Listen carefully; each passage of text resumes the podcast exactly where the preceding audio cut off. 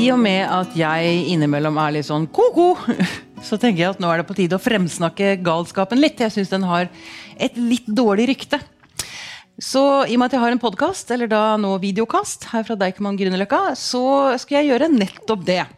Jeg, jeg som da Jeg får representere gærningen. Så jeg har fått med meg en filosof og en psykolog, og vi skal snakke litt om galskap. Jeg skal bare snevre det inn litt, fordi galskap er jo et veldig veldig vidt begrep. Eh, vi skal ikke snakke om den si, farlige galskapen eller sykdommen så mye, eh, og ikke den, det mørke triangelet og psykopater og sånn.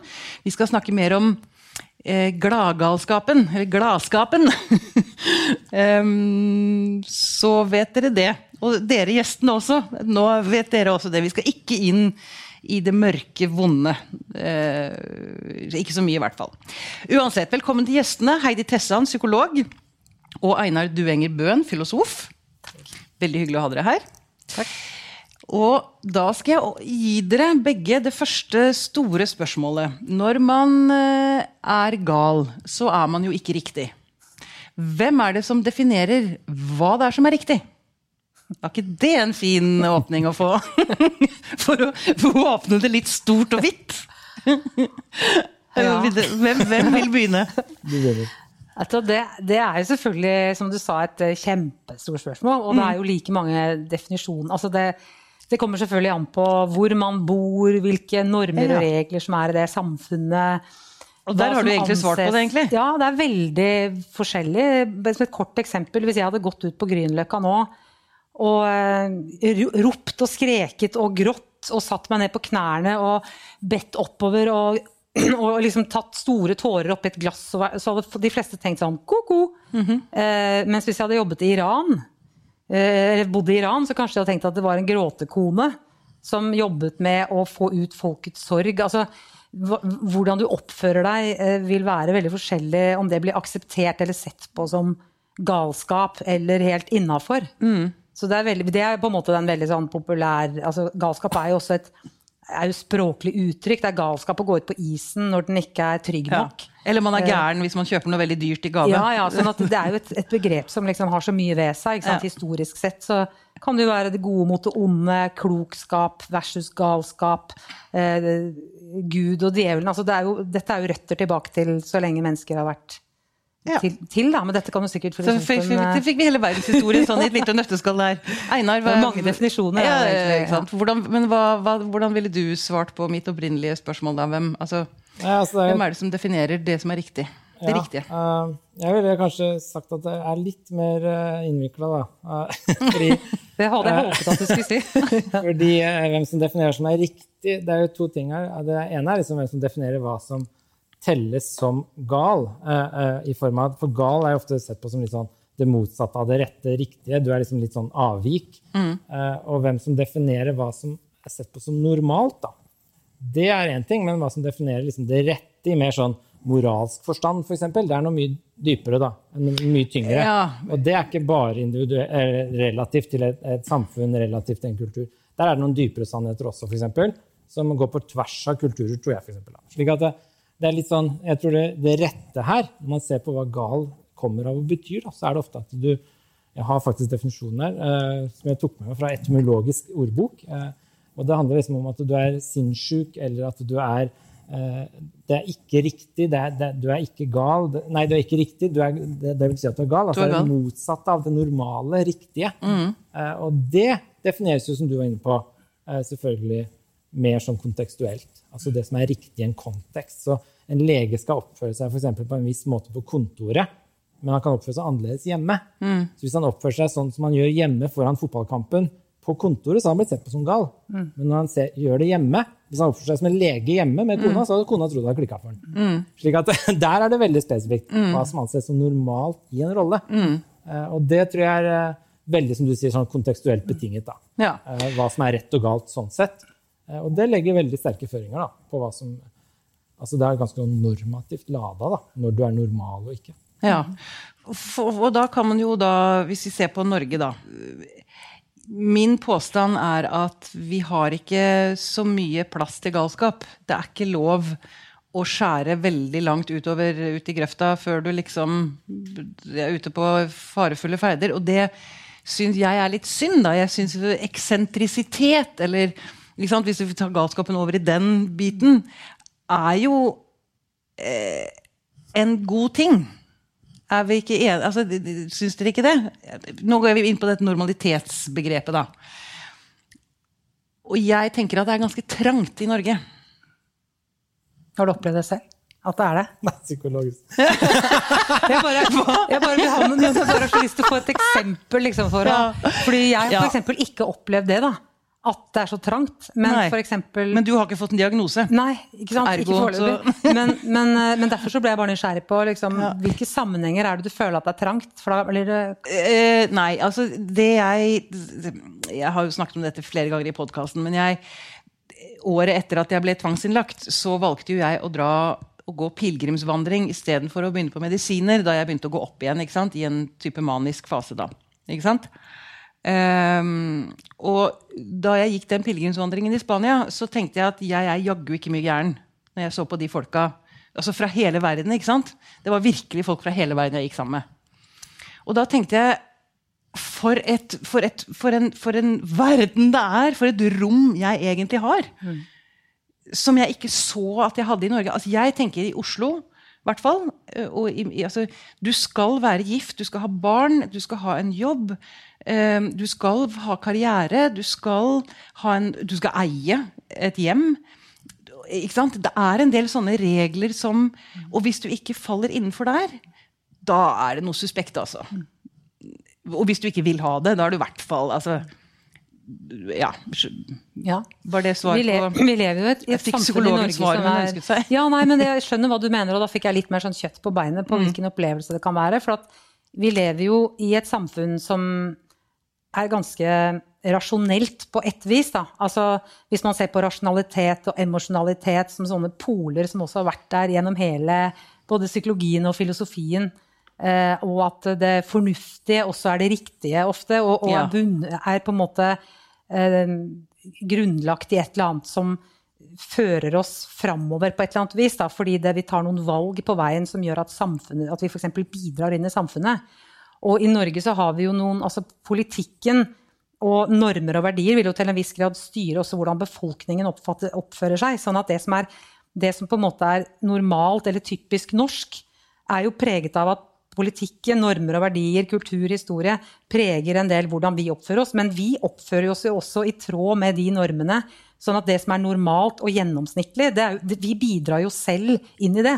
Sånn at politikken og biologien og psykologien henger på en måte sammen. For Gjensidig forsterkende Ja, absolutt. For hvis f.eks. det hadde vært sånn at nordmenn flest ikke hadde fulgt lover og regler og oppført seg sånn noenlunde rasjonelt, så hadde også man måttet se på hva, hvordan altså da, da, hadde det igjen påvirket Hva Så du hvis de ikke oppførte seg lovlydig, ja, men var rasjonelle? Ja, nei, altså hvis for da at um, Hvordan skal jeg forklare det her, da? Jo, f.eks. hvis du for 15 uker siden hadde målt gjennomsnittsnordmannens antall ganger de vasker seg på hendene. mm. Så hadde du kommet til et eller annet snitt. Det hadde vært det normale eller det gjennomsnittlige eh, for 15 uker siden. Hvis du hadde gjort det samme for ti uker siden, så ville du fått et helt annet tall. Fordi noe har endret seg som gjør at man også forventes å oppføre seg på en annen måte.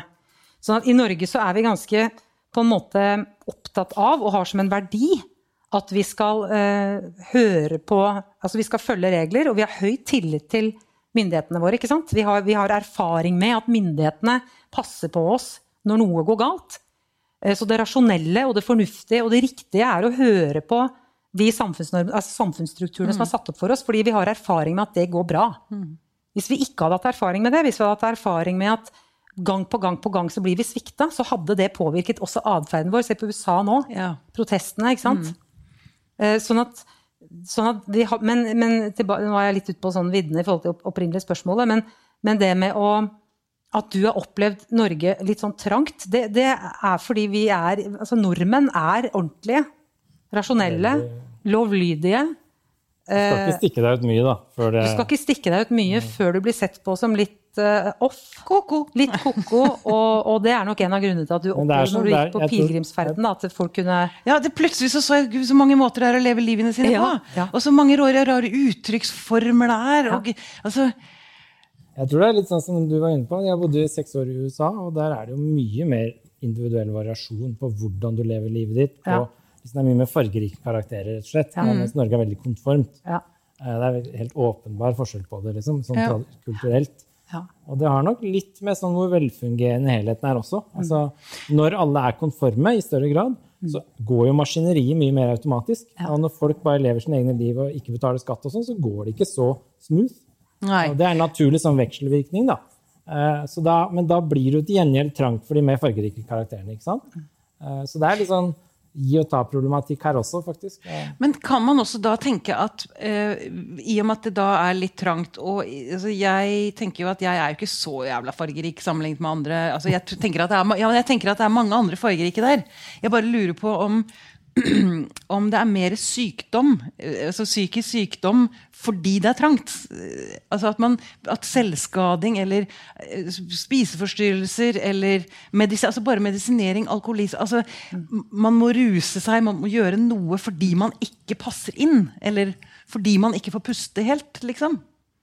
Tror, Det er veldig interessant. Nå er det jo litt sånn forskjell på hva som står i VG og hva forskningen viser. Hvis du ser på sånn folkehelsetall på psykiske lidelser og sånn, så har det ikke steget eh, så veldig mye de siste 50-60-70 årene. Det er mer sånn mediaskapt. Vi har, en, vi har litt, mer, litt mer selvrapportering blant unge jenter, og har en, det er en viss økning, men det er ikke sånn at prevalensen, som vi kaller det, eller forekomsten av psykiske lidelser i sånn klinisk forstand har steget veldig mye. Det, ja, men Har vi blitt mer konforme da, de siste 50-60-70 årene? Um, det er også et godt spørsmål. Det kan hende. Hvis man er like eh, konforme der, så det er, men, det er altså, ja. veldig, veldig, eller litt vanskelig å svare Ja, på. nei, sånn det blir kort. mulig vi- men, men det jeg syns er interessant med det du sier, at det, det man kan tenke da, skal, det er at det, vi skal nok eh, være litt forsiktige med hvordan Altså, språk er utrolig mye makt. Mm. Og før kalte vi hun bestemor var huggeren. Og i dag så vil man kalt det angst. Sånn at det er noe med at eh, språket vårt kan, kan, kan ramme inn ting på gode måter, fordi det kan sikre at folk får hjelp. Men det kan også snevre inn veldig mye, sånn at folk tror de er sjuke. Når de egentlig bare Alle er jo Det, det, det er jo ikke sånn at, at vi er delt inn i kategorier med sjukt og friskt. De fleste av oss eh, vil jo bli ko-ko. Hvis vi blir kjærlighetssorg, f.eks., så blir jo alle gale. Eh, og ville fått en diagnose, antagelig, fordi vi oppfører oss helt Jo, men altså. Forelskelse er vel også karakterisert egentlig som en galskap? er det ikke det? Ja, det. Altså, det er et klassisk eksempel fra litteraturen nå. At kjærligheten og galskapen går hånd i hånd. Da. Men det er veldig dette med det normative som jeg er litt mer opptatt av. Da. Altså dette som du sier at det er veldig viktig det med at når, nå i dag så snakker man antakeligvis mer om det man gjorde for 50 år siden nå. ikke sant? Ja. Det var mer tillatt å snakke om det åpent. I dag, ja. Ja, Ja. Og da er det ikke sikkert at det er noen flere tilfeller, men det er bare det at det snakkes mer om det, så vi føler det er flere tilfeller av det. Vi hørte aldri om det før. Så Det er, Det er sånn, det er sånn problematikk da, om at Ja. du ikke må tro det er mer bare fordi vi snakker mer om det. Nei, det er du rapporterer rapporterer flere ran, så kan det være at det plutselig linja funker, så du kan rapportere det i stedet for at det liksom er flere ran. Mm. Det er sånn generell metodikk i sånn type forskning da, som er viktig, men det normative er veldig interessant sånn filosofisk. da. Mm. Eh, Fordi det er jo noe med at når du setter en diagnose, så definerer du på en måte en væremåte. Og da er jo det eh, så da er det alt annet utenom det er da avvik fra det. Og det har ganske mye å si da når du snakker. Så hvis jeg sier at det, du er gæren, eller jeg sier du har ADHD, så, så setter det føringer på hva vi forventer av den type ting. Eh, og da blir det slik at sier, hvis noen, sier, hvis noen får diagnosen ADHD, så er det sånn Ja, men den personen har jo ADHD. Og så blir det en slags en berettigelse eller en unnskyldning, eller det kan bli en forklaring. Ja. Og da er du inne på veldig normative spørsmål, da. For du kan forklare hvorfor noe skjer, men det er noe helt annet å forklare om du, si om det burde skje, eller om du berettiger det. Altså om du Ja. gir en begrunnelse som på en måte Hva er det norske? Altså berettigelse? Ikke? Ja. Justification. Mm. Det kan også bli en selvoppfyllende profeti? Fordi man skal oppføre seg Ja. etter den Altså, det er jo sånn en vekselvirkning at du begynner å dyrke det litt, og så Ja. får du endelig en forklaring, og så begynner du å bruke det, og så sier du at jeg kan ikke gjøre det, for jeg har jo ADHD. Eller en annen diagnose. Jo, men også motsatt. Jeg som bipolar får jo også, hvis jeg er lei meg, så er det sånn Ja, men Pia, hvilken fase er du i, liksom? Ja, ja, ja. Så, men får jeg ikke lov til å være lei meg? normalt lei Så meg hvis du kjøper liksom kjøpe deg noe fint, ikke sant? nei, nei, nå er det oppe, Nei, nå nå, må du ikke kjøpe kjøpe noe. nei, nei. Så du blir Så fratatt ja, ja. ansvar i en viss Men nå går vi jo inn i den Vi skal jo snakke om gladskapen. Skulle gjerne sagt mer om dette, men det er, men det er veldig, veldig interessant. Bare for å avslutte det litt, at det er fordeler og ulemper med alle måter vi mennesker eh, klassifiserer ting inn i. Og det er jo en av utfordringene, at vi har laget et system som er basert på at du må ha for eksempel en diagnose som utløser noen rettigheter. F.eks. hvis vi skal, hvem skal få penger fra Nav. For kunne, sånn at, men på en annen side så har det mange slagsider som du beskriver, beskriver, og det kan bli både trangt og snevert, og det setter folk inn i kategorier. Og det kan godt hende det er mye mer flytende enn Og merkelapper. hvis du har veldig mange kategorier, Ja. eh, så får du helt andre føringer enn hvis du har noen få. ikke sant? Ja. Eh, Hvis det er flytende kategorier med gradsforskjeller enn hvis det er absolutter. Og dette har ganske mye å si for hvordan vi tenker at noen burde handle. Altså hva de burde gjøre, og hva de er tillatt å gjøre, og hva vi unnskylder de for, og hva de får ansvar for. Og det er veldig lada, ikke sant? Så hvis du er veldig oppe, så får du ikke så fratar vi deg litt ansvar for at du kjøpte den dyre tingen. ikke sant? For du var i Og jeg kan frata meg selv ansvaret for Ja, det. egentlig også, men jeg var gæren. Ja, Så- Men så er det kanskje ikke det man strengt tatt burde Altså Man burde kanskje ikke ta fra dem ansvaret. Da. Altså, Nei. hvis det blir veldig trange kategorier, da, så blir det fort veldig problematisk. For da forvitrer en del vanlig folkeskikk og ansvar, kanskje til og med. Ikke sant? Ja, det er, det er sant. Ja. Er sånn Men også det normale av å innimellom bare blåse ut litt. Du Ja, ja, ja. trenger ikke å være gæren eller sjuk selv om du oppfører deg på en måte som ikke er helt innafor boksen. Nei, for det tenkte jeg så på en eller annen serie, jeg tror det var uh, Insecure. Veldig, veldig fin serie. Um, men hun gikk uh, Hun ble rasende på et eller annet, jeg husker ikke hva, det var nok eksen, tror jeg. Men og så trasha hun leiligheten sin. ikke sant? Så virkelig ble bare veldig, veldig sint. Så tenkte jeg gud, det kunne jo jeg aldri gjort. Altså, Da hadde jeg jo ligget inne før jeg fikk snudd meg. Hvis noen hadde oppdaget det. Du legger det ut på Facebook. Ta bilde av det! jeg vet jeg legger ut. Ja, men det, det handler jo litt om forventningene. ikke sant? Altså, hvis du først er plassert i en kategori, så er det forventa at du kan gjøre visse ting og ikke kan Ja. gjøre andre ting. Og du får ansvar for visse ting og ikke ansvar for kan andre ting. ja, ikke Og det er veldig sånn normativt lada, da, om Ja. hvordan vi behandler folk og, Ja. og tenker om de moralsk sett også. Mm, Eh, Men ja, Og det kan være veldig fordømmende. veldig. Og særlig da blant dem som har makten til å sette den diagnosen. Som jo veldig mange av oss som har den kompetansen, eller også muligheten, lovmessig sett, til å gjøre. Den forvaltningen av den makten der, det skal man, det er, eh, uff, det skal man passe seg for. For at den mektigheten, det er, ganske, det er det noen som ikke helt tåler, for å si det rett så er det Nei, sånn- men det Det er litt mer sånn kyniske, spekulative ting også, sånn som at hvem er det som tjener på alle disse diagnosene, f.eks. At de blir, at de blir ja, ja. plassert der de skal, at det Ja, ja. kommer mange nok, og at de knyttes opp mot medisiner. Eh, Hvem er det som tjener på f.eks. at eh, du får visse diagnoser sånn sosialt sett i samfunnet? Altså, det er en del sånne ting du kan spekulere på også. Altså, fordi det, det, hvis, du, sånn som, hvis du blir sett på som gal, så, så behøver vi ikke å ta det alvorlig, f.eks.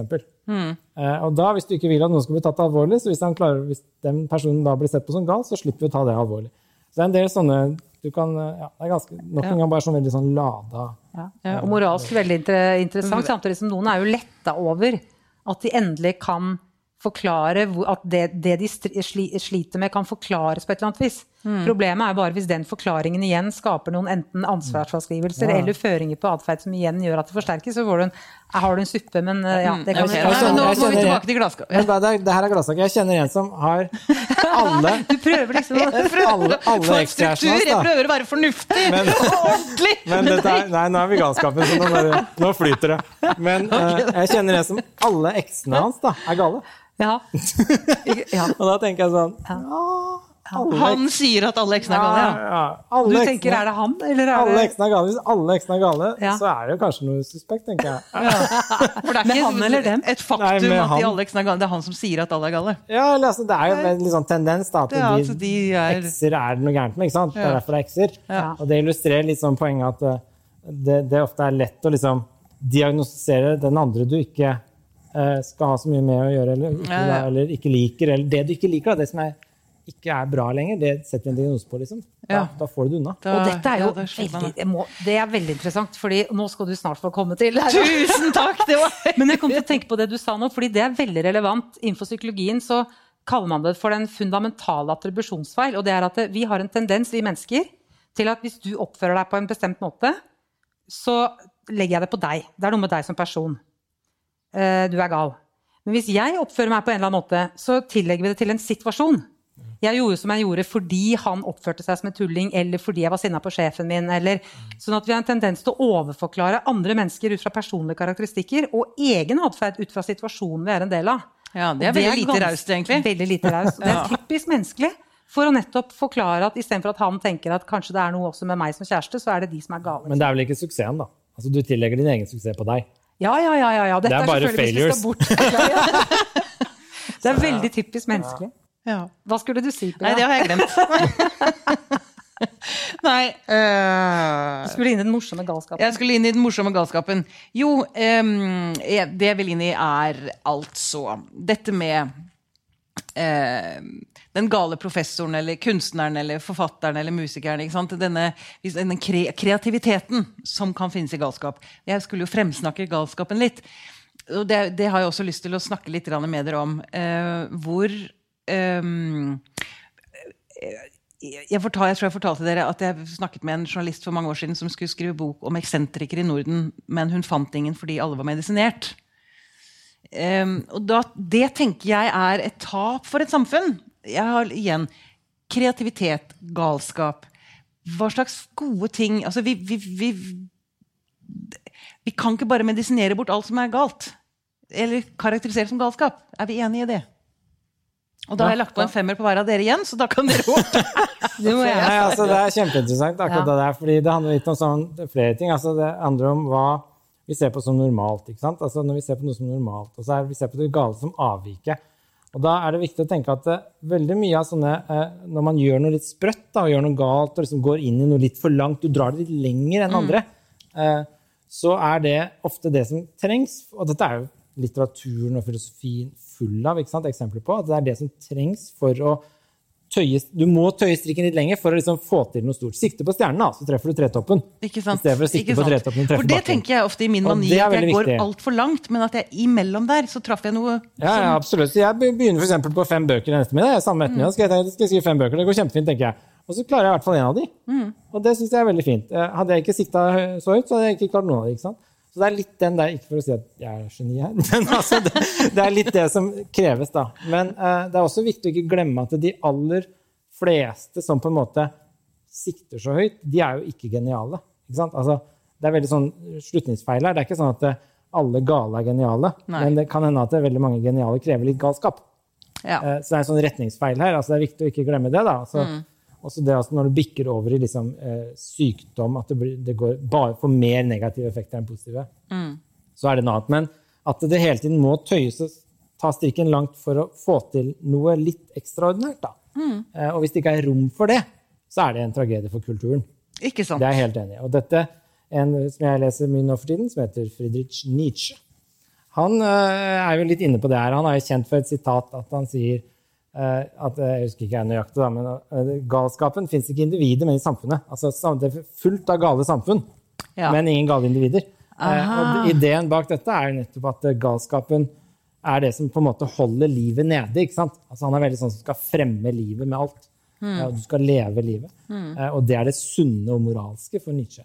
Mens galskapen er liksom massene og saueflokkmentaliteten som holder alle geniene Ja, det det nede. er galskapen. Det er galskapen Men for Nietzsche. det, det kan man også, jeg tenker jo også at ikke sant, Når man ser på hvordan vi holder på vestlig verden med å harve ned regnskog og ødelegge kloden altså Det er jo ikke spesielt uh, sinnsfriskt. Nei, altså det blir galskap. Det, det, det er sånne ting han mener. Altså det kollektive ofte leder til galskapen heller enn individene. Individene kan nesten per definisjon ikke være gale. Ah, dette Men er en mann jeg må så lese ble jo han gal selv, da. Det er jo ironien Ja, han- det hele. Han kollapsa jo til slutt og satt ti år i en stol. Så, Ja. Men det er veldig interessant, for filosofen og psykologen Ole Jakob Madsen snakker jo om at eh, vi i vår verden, i vår del av verden, har en tendens til å individualisere samfunnsskapte problemer. Altså f.eks. hvis du er en eh, person som har veldig mye er, er veldig stressa fordi du har en stor regningsbunke i skuffen som du ikke blir kvitt. Så er jo, og, og f.eks. fattigdom i det området du lever i er utbredt, så er det på en måte egentlig fattigdommen som er problemet. Men det, måten vi løser det på, er å putte den enkeltpersonen inn i et uh, terapeutrom og behandler den personen for stress, altså stressmestring. Ja. Men poenget er at det er jo egentlig ikke stressreaksjonen som Det er jo egentlig en helt normal respons på et, en stressord eller noe som, Så det, så det, er litt sånn, det er litt ekvivalent eller litt likt. For vi, vi, jeg er jo he, heller litt mot den tradisjonen at det, altså, Eller ja takk, begge deler. Da. Det fins jo noen som kan ha stor utbytte av både diagnoser og medisiner og behandling individuelt.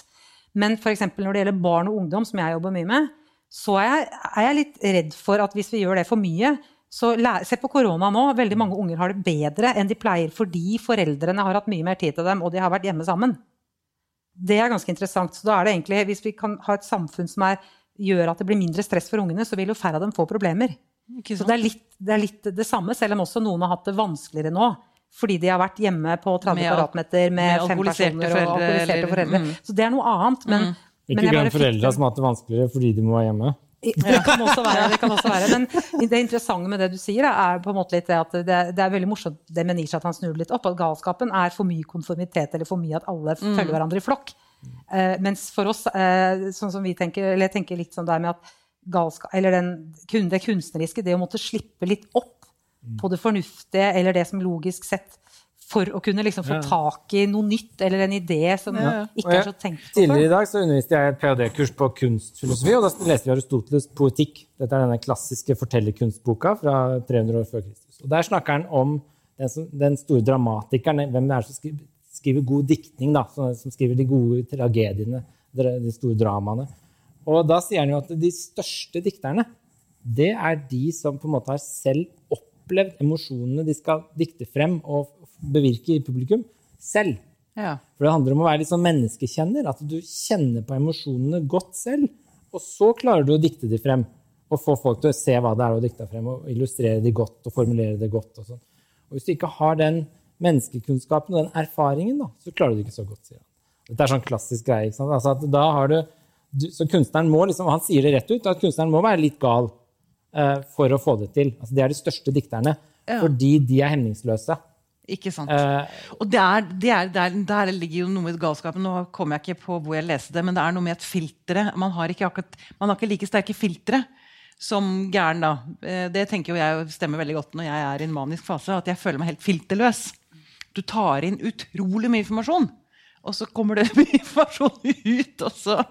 Men uh, Det handler litt om å klare å kanalisere det, da, tror jeg, ja. som er veldig viktig. Altså, det også slippe deg, være litt den gale da, som går mm. utenfor normene. For det er normene som ofte setter hva som er normalt, og hva som mm. blir galskap. Utenfor det er det galskap, innenfor er det normalt. Mm. Og da er det liksom det å klare å kanalisere det når du går utenfor normene, til noe kreativt og positivt. Ja. Det er jo helt topp. Mm. Altså det, det, er jo det som gjør kulturer til å ha store mm. bidrag. Men eh, hvis ingen får lov til det, så kveler du på en måte det kulturelle livet. ikke sant? Og mm. individer. Og samfunnet, tror jeg da generelt. Men det er liksom det. Men det er veldig mange som Problemet er jo å kanalisere det, som sagt. Ja. Det, er, det er litt bekymra for. at Hvis vi hauser opp for mye galskapen, så glemmer vi alle de som bare sklir ut og ikke klarer å kanalisere det. for det er bare blir, forsvinner ut ja. i Ja, og som du sa i stad, De fleste geniale har kanskje en viss form for galskap ved seg, men ikke motsatt. For ja. hvis du er for gal, da, så blir det ikke noe ut av det. Nei. Du, du får, hvis du skal for gi ut en bok, da, så må du på en måte klare å være innafor nok til ja, ja. å kunne kontakte en redaktør, levere et ja. manus. Altså, det er så mye ting som mm. Hvis du skal skape noe som skal vare mer enn i øyeblikket Ja, Du må ha en eh, arbeidsstruktur, skal du få det til. En arbeidsstruktur, det, det sånn, eller et eller annet. Nietzsche og Hölderlin, disse store kunstnerne og filosofene som ble gale, de produserte jo ikke noe etter at de bikka over, liksom. Nei. Eh, men de, de, klarte den der balansegangen ganske lenge, da, og så bikka det over.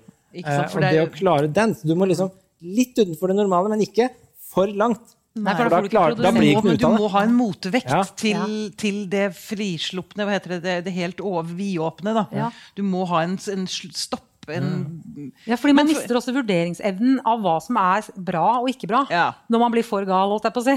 Fordi at du, fordi at du Jeg mener, ingen sammenligning for øvrig, men jeg har skrevet mye tekster Jeg drev med revy i gamle dager, og vi satt jo oppe mange natt med ganske mange flasker rødvin. Ja. Og skrev tekster som vi selv mente at var fantastiske. Geniale. Fire, ja, ja.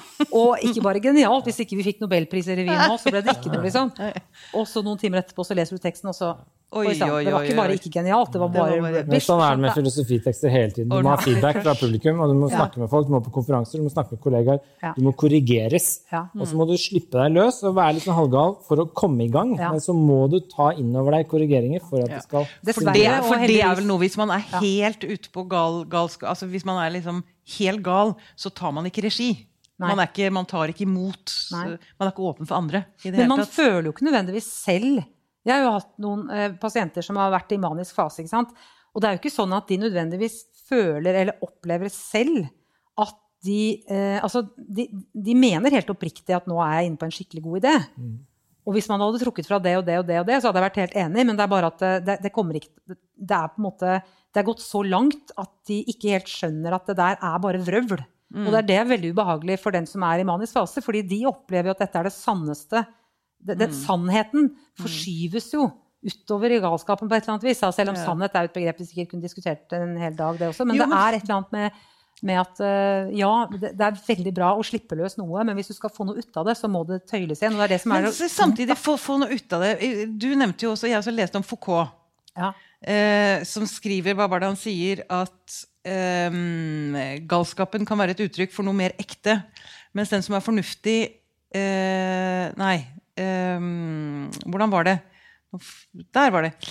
Um, kan representere en type kunnskap de fornuftige ikke innehar selv. Ja. At det er derfor jeg er redd for galskapen. Det, men han, i, i, I den boka 'Galskapens historie', som jeg absolutt vil anbefale til alle som er opptatt av galskap, så diskuterer han hvordan galskapen har blitt, på en måte blitt forstått opp igjennom. Og da var det en av teoriene som kom underveis, at kanskje de gale har en eller annen fornuft, eller en kunnskap som de fornuftige ikke eide, Ja. og at det var derfor det var truende for de fornuftige. Og dette er jo Ibsen inne på når han sier minoriteten har alltid rett. Så er jo hele ideen at det liksom av og til er det jo avvikerne som starter en ny trend som viser seg å være riktig. Ja. Så det var jo fåtall som først begynte å snakke mot slaveri, f.eks. De ble sett på som gale. ikke sant? Du kan ikke, du kan ikke oppløse det. Hvordan skal økonomien gå rundt da? ikke sant? Også, Og så i dag er jo det helt absolutt det riktige. Heldigvis. Men det er viktig, for det er jo et Ja, men det- utviklingstrekk. Ja, altså det er de gale med å bryte ut av det kollektivet Ja. Ja, som ja, ja. setter normalen. Og det trengs. Men det er, det er veldig vanskelig å liksom ikke gjøre det for mye, at du ikke blir tatt alvorlig. Da. Det er det som er liksom problemet normativ var inne på. Altså, Hvis du bryter ut for mye, så blir du ikke tatt alvorlig. Eh, Men du må bryte ut litt og sprenge grensene litt hele tiden. Og det ligger i det Ja, da det, kunstneriske. den- da, du, du, vil, du vil ha en rasjonell galskap. Ja, på en måte. Altså, I Norge vil vi det. Ja, men Men det, fordi fordi, i når du sier at det er bare vrøvl, sier du, men kan Ja. det hende Ja. Det er bare et lite tankeeksperiment fra min side. At du bare ikke forsto Ja.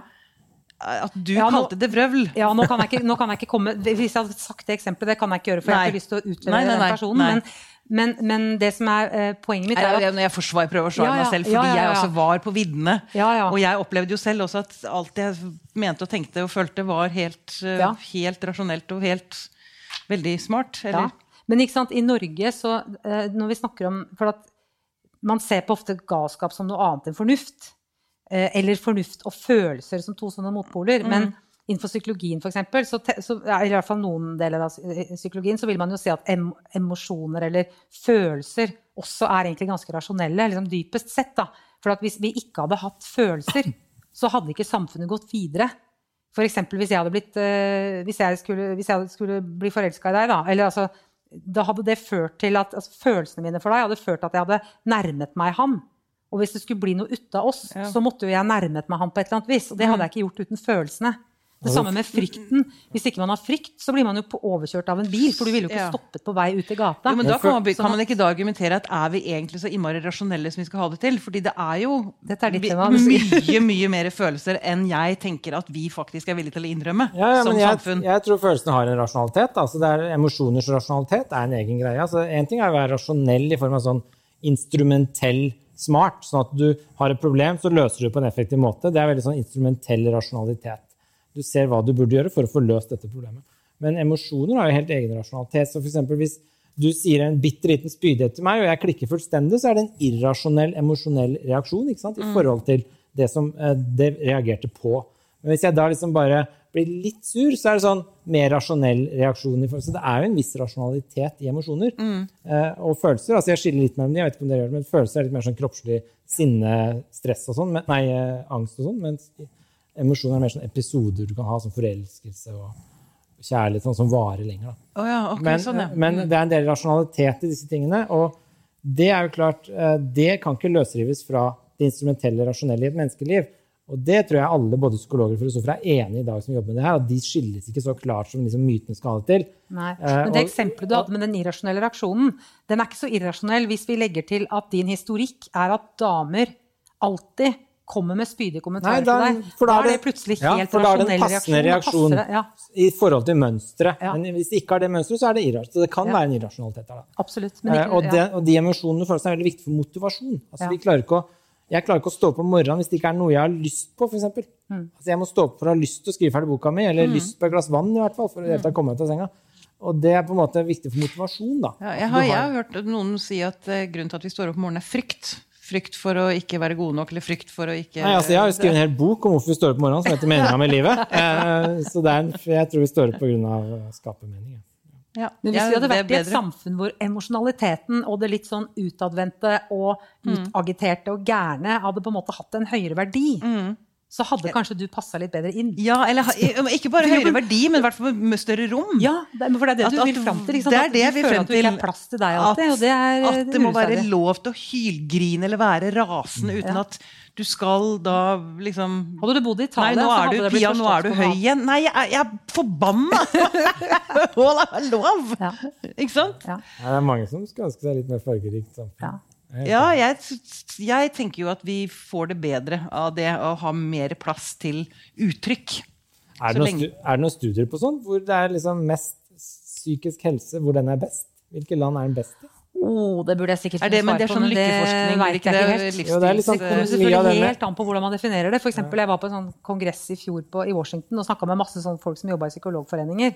Og da var det en eller annen, jeg husker ikke hvilken, det var en, et afrikansk land, jeg burde så veldig husket hvor det var, men det var et nordafrikansk land. Og der eh, sa de at de ikke hadde noen psykiske problemer, men, men alle de som sleit, de gikk til heksedoktorene. Sånn at det var nok Det er jo ganske sånn verden over eh, ganske mange som sliter med omtrent det samme i omtrent like stor skala. Mm. Vi bare har som du sa, utrolig store forskjeller på hvordan vi rapporterer det, hvordan vi definerer det, Ja. hva vi ser på som normalt og avvikende. Så, sånn at det å ha- slite fordi man opplever ting som er kjipt, og få en reaksjon på det, det er veldig normalt. Det som er avvikende, og det er det som blir så sprøtt noen ganger, det som er avvikende, er å ikke reagere. Hvis du opplever noe som er forferdelig eh, vondt og eh, grusom hendelse, og du ikke får noen følelsesmessige reaksjoner, det er Da er du- Da, da er du- du- da sjuk, da.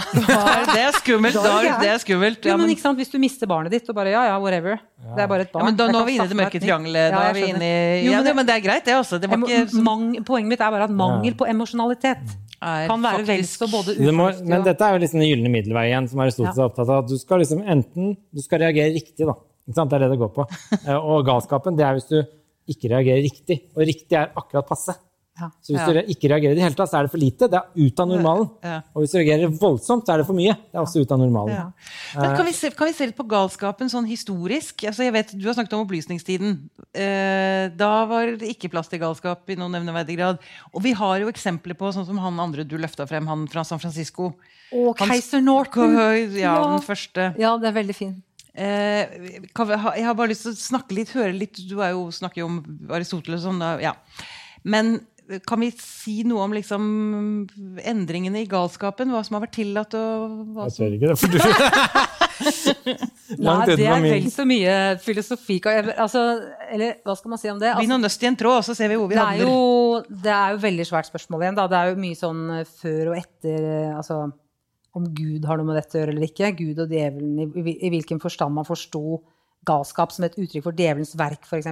Ja, Det er, er kjempeviktig sånn historisk sett. Mm.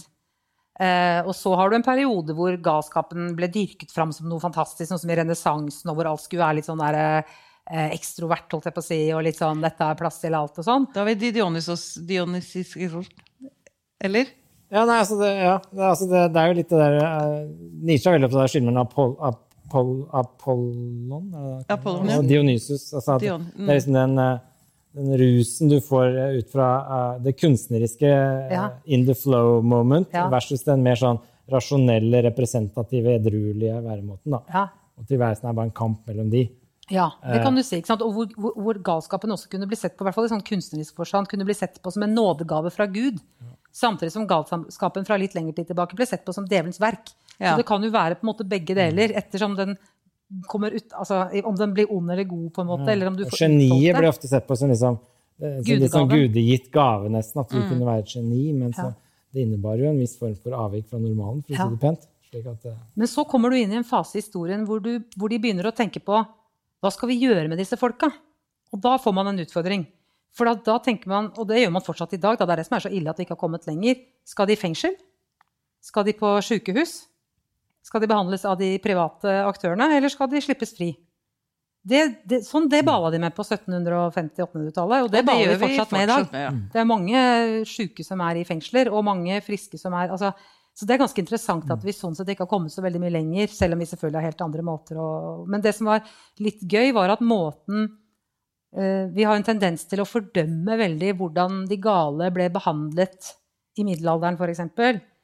Men hvis du ser det i lys av hvordan de forsto galskap på den tiden, så er det ikke så rart. For så trodde de at det var noe galt med måten nervebanene altså eksempel Hvis du ble puttet i kaldt vann, iskaldt vann, minusgrader, lenge nok, så kom det til å kjøle ned blodet ditt, som gjorde at du, du fikk fordrevet Så du døde. ja, men det, det, var, jo, men det var jo i utgangspunktet ikke om behandling. Vi har en tendens til å moralisere veldig Ja, over sånn, hvordan ja. de behandlet folk før. Mm. Men det var jo drevet av at forståelsen av hva dette var, var noe annet enn de etter hvert eh, trodde på. Da. Og så kom det ulike former for måter å forstå det på, og så måtte man organisere samfunnet på et eller annet vis. Og det er jo derfor man hele tiden har endret hvordan man også skal forstå det, utenfor hva man trenger ulike folk i samfunnet til. Hva skal man bruke de gale til? De ble satt i arbeidsleirer, f.eks. Noen voldsomme manikerne ble satt i arbeidsleirer. hvor genialt, det jo vet du. Tyngre, ja, men jo tyngre fysiske oppgaver. De ble satt og brukt som hester, f.eks. Og piska foran kjerrer. Fordi man tenkte at hvis du bare fikk hest! Kjipt å fange dem i nedperioden, da. Men det, så det er veldig interessant. Hva skal vi bruke dem til? Hvordan skal de oppbevares? Eh, også I England hadde de jo sånn eh, utstillings... Man kunne gå og se på de gale for en penny på søndager. Og det var, hva var det, det sto sånn? 100 000, eh, 100 000 besøkende i år eller noe sånt, som kik, kikka på de gale i sånn, inni sånn glassbur. The freak shows har vi jo i dag. Sånn at de gale har liksom alltid fascinert da, og vært en del av en slags underholdningsindustri også, selv om de etter hvert også ble mer mot sykdom, og at man skal forstå det som også Mm. Sånn som i dag, hvor man ser at det er en blanding av å ha noen signalstoffer i hjernen som kommuniserer på litt rare måter noen ganger, men også hva man har vært utsatt for. Så en kombinasjon av Mm. biologiske faktorer og hva man er født med, Mm. og også hva man har vært utsatt for. Eh, Og så er vi utstyrt i større eller mindre grad med verktøy for å håndtere disse tingene i tillegg. Sånn at det er en salig blanding av eh, arv og miljø og kultur og kontekst og all verdens. Mye rart der Men det er ikke veldig interessant å lese eh, hvordan man ble behandla før, da, og alle disse tingene, og hvor mye jeg selv har moralisert over. Liksom, Tenk at de gjorde det på den tiden. Ja, ja, ja. Det er jo litt sånn, De gjorde det som du sa, ut fra kunnskapen de hadde. Men så, Ja. når vi har mye mer kunnskap i dag, så virker det jo helt sprøtt. Ja. Men det er litt sånn tilbake til sånn instrumentell rasjonalitet. Det kan være veldig rasjonelt der og da. Ja. Du bare har ikke bare vent Ja, om da- 100 år, jeg skulle så til å sitter si de og snakker om oss. Om Ja, men jeg tenker sånn sånn, vi, gjør, vi ler litt av liksom, eh, Noen av oss i hvert fall ler litt av eksempel når Hamsun fikk varig svekkede sjelsevner. ikke sant? For vi visste ikke hva vi skulle gjøre med en så god forfatter som ble nazist.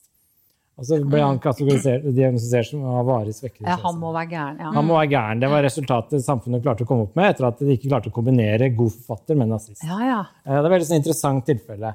Det samme skjedde jo litt 22. juli ikke sant? med Anders Behring Breivik. Han fikk en diagnose, og så reagerte hele landet men nei, det her går ikke an. Og så da fikk han ikke den likevel. og da tok hun vekk. Og Litt det, forenkla. ja, og det er på en måte, det er veldig sånn, det viser litt sånn der at det, det reiser ganske store spørsmål om liksom, disse diagnosene, om det helt tatt er en vitenskap å sette inn diagnose, eller om det er en moraliserende samfunnskategori vi prøver å organisere, eller hva disse tinga er. da. Som igjen stiller spørsmål liksom, hva denne galskapen er ment å være. For det er jo til syvende og sist bare avvik fra det vi definerer som normalt. Ja. Eh, og så skal vi sette diagnose på noe av det, og skal vi tillate noe av det som bare er avvik. Men den grensen flyter og er vanskelig og hele tiden må sjongleres. ikke sant? Og så når flertallet da sier nei, nei, denne diagnosen er ikke vi enig i, og så bare da tar vi den vekk igjen, da er det ganske sånn Og så når alle sier nei, vi får bare kalle han gal, for det så kan han ikke være en god forfatter, Ja. da blir det sånn ok, det, det er veldig uh... Ja, ja jeg, jeg skulle ønske jeg kunne kaste et blikk om til 100 år se hva de sier om vår psykiatriske behandling eh, nå om dagen. Og jeg har lyst, vi, vi, er, vi er, begynner å nærme oss slutten. Jeg beklager, denne tida flyr. Ja. Jeg vet det er, eh, Sånn er det å ha interessante folk å snakke med. Men jeg har lyst til å avslutte med denne mm, keiser Norton. Ja, Den første, apropos Ja. galskap i samfunnet. ja, og raushet. Og raushet. Ja. Ja. men altså, og, og berikelsen det faktisk kan være, da. For han levde på nå var det 1859? 1859, ja. San Francisco. Og det er min sånn favoritt uh, galskap-raushet-historie. Gladskapshistorie. Gladskap-historie. Hvor eh, det var, han var egentlig en, eh, en businessmann eh, som eh, gikk konkurs og mistet forstanden på veien, var det da noen som mente. Og han kommer ut av dette konkursboen ved å proklamere at jeg, fra nå er jeg keiser Norton, den første av San Francisco. Nei, Den forente stater. De, de Forente stater. Ja, Og protektor av Mexico ble han. Ja, ja, han, ble, han utnevnte seg selv. Og av en eller annen grunn, som jeg ikke har lest meg langt nok inn i denne historien, så godtok eh, San Franciscos innbygger, innbyggere dette. Eh, så han ble en slags maskotfigur. Han fikk sin egen valuta. Han fikk sitt eget teater med førsteplass på, eh, på Han ble sluppet inn på restauranter. Han ble sluppet inn på restaurant. Gratis mat, Mat, gratis og nye uniformer når de var utslitt. Det er sånn, ja, ja. Dette er jo en Don Quijote-fortelling. Det er, ja, det er, det er en fantastisk historie. Og det som er det mest rørende med den historien, er at på et tidspunkt så var det noen som protesterte kraftig og skulle være han inne. Ja, Og da var det en journalist som skrev et uh, avisstykke om at denne mannen, etter at han fikk keiser, keiserlige klær, har ikke gjort en flue fortred. Han har ikke drept noen, han har ikke slått noen. Som er mer enn vi kan si om mange av hans likemenn som går på gata, på en måte. Eh, og så ble han sluppet fri igjen. Eh, og så døde han av eh, slag eh, noen år etterpå. Da var det 10 000 mennesker som kom i begravelsen. Men det er ganske interessant sånn der i forhold til dette med eh, eh, om Han lever på en illusjon, ikke sant? Ja, ja. Og alle de visste at han levde på en illusjon. Ja, så Vil du kalle han gal eller ikke? Ja, det er morsomt sagt. Jeg liker jo å tenke at jeg ville tenkt at han var en fargeklatt. Og at jeg ikke ville tenkt at han var gal. Men han var, jo sett på som gal. Men kan- kanskje det var han som var riktig, og alle de andre altså Illusjoner. Altså det vi lever jo alle i, hva er vår illusjon? Ja, ja. Nei, Hvis altså, han hadde gått rundt i Norge i dag, da, så hadde han jo vært gal. ja, ja. Men i, i den kulturen der, med de folka der, så De opprettholdt jo også illusjonen, da. Ja, ja. Nei, det er ganske interessant, fordi det, det, de opprettholdt illusjonen så lenge det på en måte holdt seg sånn. da. Altså Ja. Hvis han plutselig begynte å skulle innføre lover de ikke hadde likt, og sånn, så hadde han fort liksom blitt holdt For det røykeforbud og sånn? Da, Ja, da går det ikke lenger. nei, Altså, det, var, det ble liksom han, maskotaktig. han prøvde å kaste regjeringen, da. han prøvde å avsette Ja. Kongressen. Og det fant de seg ikke i. Men han fant seg i at ikke han kunne Sånn at han opptrådte jo helt riktig. Det Litt sånn som kongen? på, men det er litt sånn at han, ja, han opptrådte jo innenfor den galskapen, så ble han på en måte godtatt. Hadde han plutselig begynt å gjøre noe annet, så hadde han kanskje ikke godtatt. Sånn som kongefamilien. Jeg skal ikke kommentere noe mer på det. Nei, la oss ikke gå dit. Men du vil ha flere som han? Er det det som er liksom Nei, nei, jeg har bare lyst til å Jeg syns bare det er veldig interessant å leke med disse tankene og utforske mulighetsrommet vi har da, Ja. i samfunnet. Kan jeg bare si en siste ting? Om- oh, om dette med galskap i forhold til mening. Altså jeg vært litt opptatt av meningsbegrepet. Mm. Og når du lever et meningsfullt liv, da, og når du opplever mening i livet. Eh, Og en av de tinga som på en måte kjennetegner når noen eh, opplever mening, da, en såkalt mening i livet, det er når de er liksom engasjert i et prosjekt som er større enn seg selv. Så du er, med, du er en del av et større prosjekt. Det kan være male et maleri, det kan være, eh, være jobben din som familie, eh, far eller mor. altså Det kan være mange prosjekter. eh, men når du er en del av et større prosjekt, så opplever du gjerne og rapporterer gjerne mening. Altså når du deltar positivt i det prosjektet og føler at du har noe å bidra med utover. Så narsissisten vil for veldig vanskelig kunne sies å oppleve mening, med mindre han ser på seg selv som et prosjekt. Eh, slik at det, Meningen handler om å rette seg utad mot noe. Ja. Og det er ofte det som på en måte litt sånn når du går utover det normale, blir veldig gira på noe, veldig engasjert i noe, og du liksom blir litt sånn manisk kanskje på et prosjekt, eller du blir litt sånn gal, da, så er jo det ofte noe som kan oppleves veldig meningsfullt. Fordi du nettopp da er skikkelig gira på et Ja. prosjekt, og du deltar, og du, du kan bidra veldig positivt. Du er litt sånn som noen psykologer kaller 'in the flow'. eh, Når du driver med et kunstprosjekt, f.eks. Altså du, er- du glemmer tid og rom, du er veldig engasjert på noe. Og det oppleves veldig som, som veldig meningsfullt. Men det er ganske nært knytta til galskap. For du kan veldig lett bikke over i liksom å miste kontakten med det kollektivet rundt som på en måte skal korrigere deg. Og jeg vil tro denne keiseren hadde liksom kanskje bikka over, da. Altså han, men han kan jo han opplevde veldig mye mening. Ikke sant? I form av at det, det, han var en keiser. Han var et stort prosjekt han drev. Eh, og det så ut til å gå bra. Sant? Så han opplevde seg som del av et større prosjekt. Og og de veldig- opplevde mening fordi de ga han eh, uniformer, og de på en måte så på han som en person som også må passes på. Fordi han fortjener en plass i vårt samfunn, i hvert fall sånn som det er blitt beskrevet. Og det er vel den rausheten som jeg opplever at du har vært opptatt av, også når vi har snakket om det før denne, at den rausheten for at folk må kunne få lov til å være som de er, og oppleve mening med det, og få lov til å uttrykke seg uten Ja. at de skal bli så redde for det. Ja, for det, det er jo vel egentlig poenget mitt. Så lenge jeg ikke Nå har jeg skjønt også at i, en mani så kan man også bli veldig invaderende på andre, og det liker jeg jo ikke. Eller aggressiv. Men, Eller, jo, men at det er jo ikke noe krise å være litt gæren, liksom. Altså, det er bare ikke Du dauer ikke av det. Det er ikke så farlig. Jeg har havna på Det er ikke så farlig. Ja. Jeg har vel havna på trynet med ræva i været mange nok ganger nå at jeg kan den, liksom. Det er ikke noe Det, det overlever jeg. Og det har jeg lyst til å bare gi litt mer rom for det, da. Så lenge man ikke plager andre. Jeg tror det kan oppleves veldig meningsfullt ja, å pushe de grensene for det normale. Kjenne at du liksom, presser litt på det galskapen. Ja. Det kan oppleves som veldig meningsfullt, fordi du på en måte du, du, bidrar med noe litt sånn som pusher noen grenser. Da. Eh, så det, hvis du klarer å kanalisere det positivt, Ja. Så, er det ganske, så tror jeg det også er meningsfullt. Da. Ikke bare oppleves som det. Nei, og, og akkurat som vi, som vi begynte med Det er noe jeg ser nå i ettertid, når jeg liksom er ute, ute av det igjen, nede relativt mye lenger ned nå, eh, at jeg gikk for langt. Men det er noe med den derre mellomstadiet der som fortsatt har verdi. og hvis jeg finner noe gull i disse irrgangene disse medisinene mine har vært innom, så er det verdt det.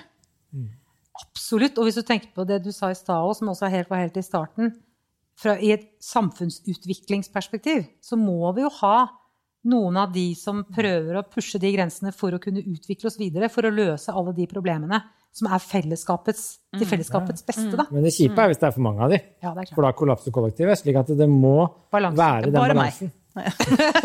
Men så, til, bare for å avslutte med Nisha, så er jo det han sier, er nettopp at eh, kulturens oppgave er jo å fremme geniene, sier han på et tidspunkt. Og den balansen må du ha. Eh, Du kan ikke, alle kan ikke være genier. Eh, Og Alle kan ikke være sauer. Nei, og alle kan ikke være Nei. Så at du sånn må ha det der avviket, da. Ja.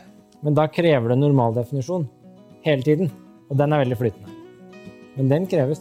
Så du kan ikke fremsnakke galskapen for mye, for da blir det ikke galskap lenger. Nei, da Nei, blir det ikke sant? Da blir det normalen. Da går vi under. Ja, Da- du må, liksom, du må fremsnakke den der balansen som er veldig vanskelig å trekke. Da. Jeg skal fremsnakke balansen som er veldig vanskelig å trekke. Det var jaggu en fin eh, avsluttende punchline. Det var det. Men vi skal avslutte. Nå skal jeg bare rett og slett sette strek. Tusen takk for at dere kom, Einar Duenger Bøhn og Heidi Tessa. Veldig morsomt å snakke med dere. Tusen takk. i like. Denne episoden, som du også finner på YouTube, er spilt inn på Deichman Grünerløkka. Med støtte fra Fritt Ord, Nasjonalbiblioteket og stiftelsen Kåre Berg. Lyd Morten Minoti Christiansen. Musikk Mathias Grinde. Grafisk design Alexander Solbakken. Og jeg heter Pia Pedersen.